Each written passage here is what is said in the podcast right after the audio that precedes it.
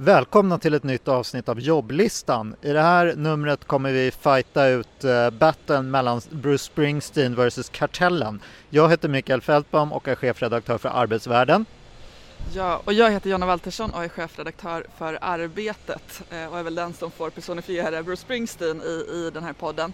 Igår blev det känt att LO haft möte med C. Eh, ett möte verkar också komma att äga rum med Liberalerna om, om LAS-frågan. Och det är inte konstigt att LO försöker pusha fram sina positioner för, för de här två partierna. Eh, vi på Arbetet har ju från, från vårt håll också kunnat rapportera att den här uppgörelsen mellan PTK och Svenskt Näringsliv den har ju faktiskt inte skickats in till regeringen än. Och en anledning det är ju avtalsrörelsen, inte så konstigt kanske, men också eh, så känner man att man behöver överväga det här faktumet att LO faktiskt inte är med på den här uppgörelsen. Och till er så har ju PTK Unionens Martin Westfält sagt att eh, man ju gärna ser att enskilda LO-förbund skulle gå in i uppgörelsen.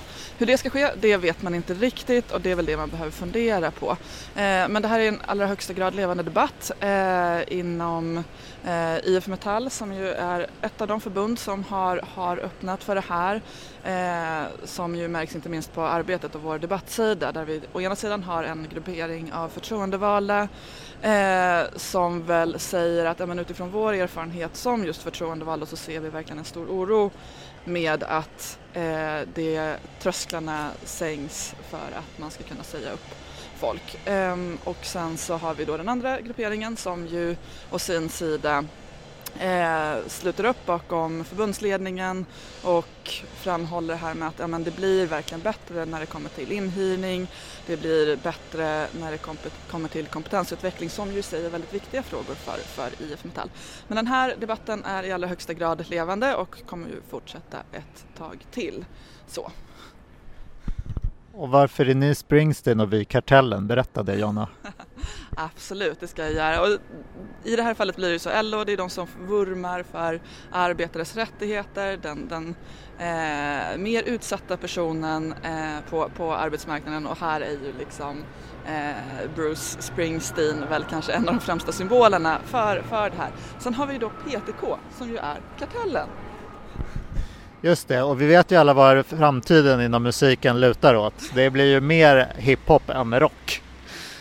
Vi på Arbetsvärlden har ju också rapporterat om LAS-frågan. Vi har uppfattat en viss oro för att det är enklare, snabbare att lagstifta om arbetsrätten men betydligt mer komplicerat eh, och svårt att lagstifta om omställning och a-kassa.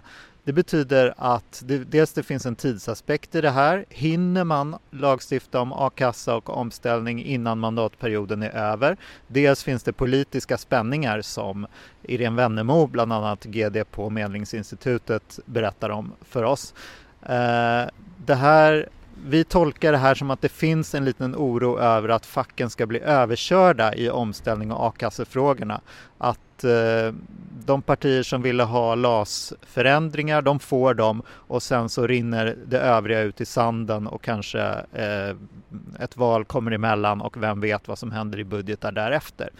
Eh, däremot så är Centerpartiet, som vi har pratat med, väldigt eh, fasta med att säga att så kommer det inte bli, utan alla de här tre delarna i paketet kommer att tas den här mandatperioden som ett samlat paket. Och det är ju det alla säger officiellt. Och det är jättespännande att se hur, hur man nu ska hinna, hinna med det när det också är coronapandemin som, som pågår. Jag tänker eh, PTK, eh, kartellen i det här fallet, är väldigt nöjda med att vara framtiden eh, och att LAS-uppgörelsen är kronan på, på verket.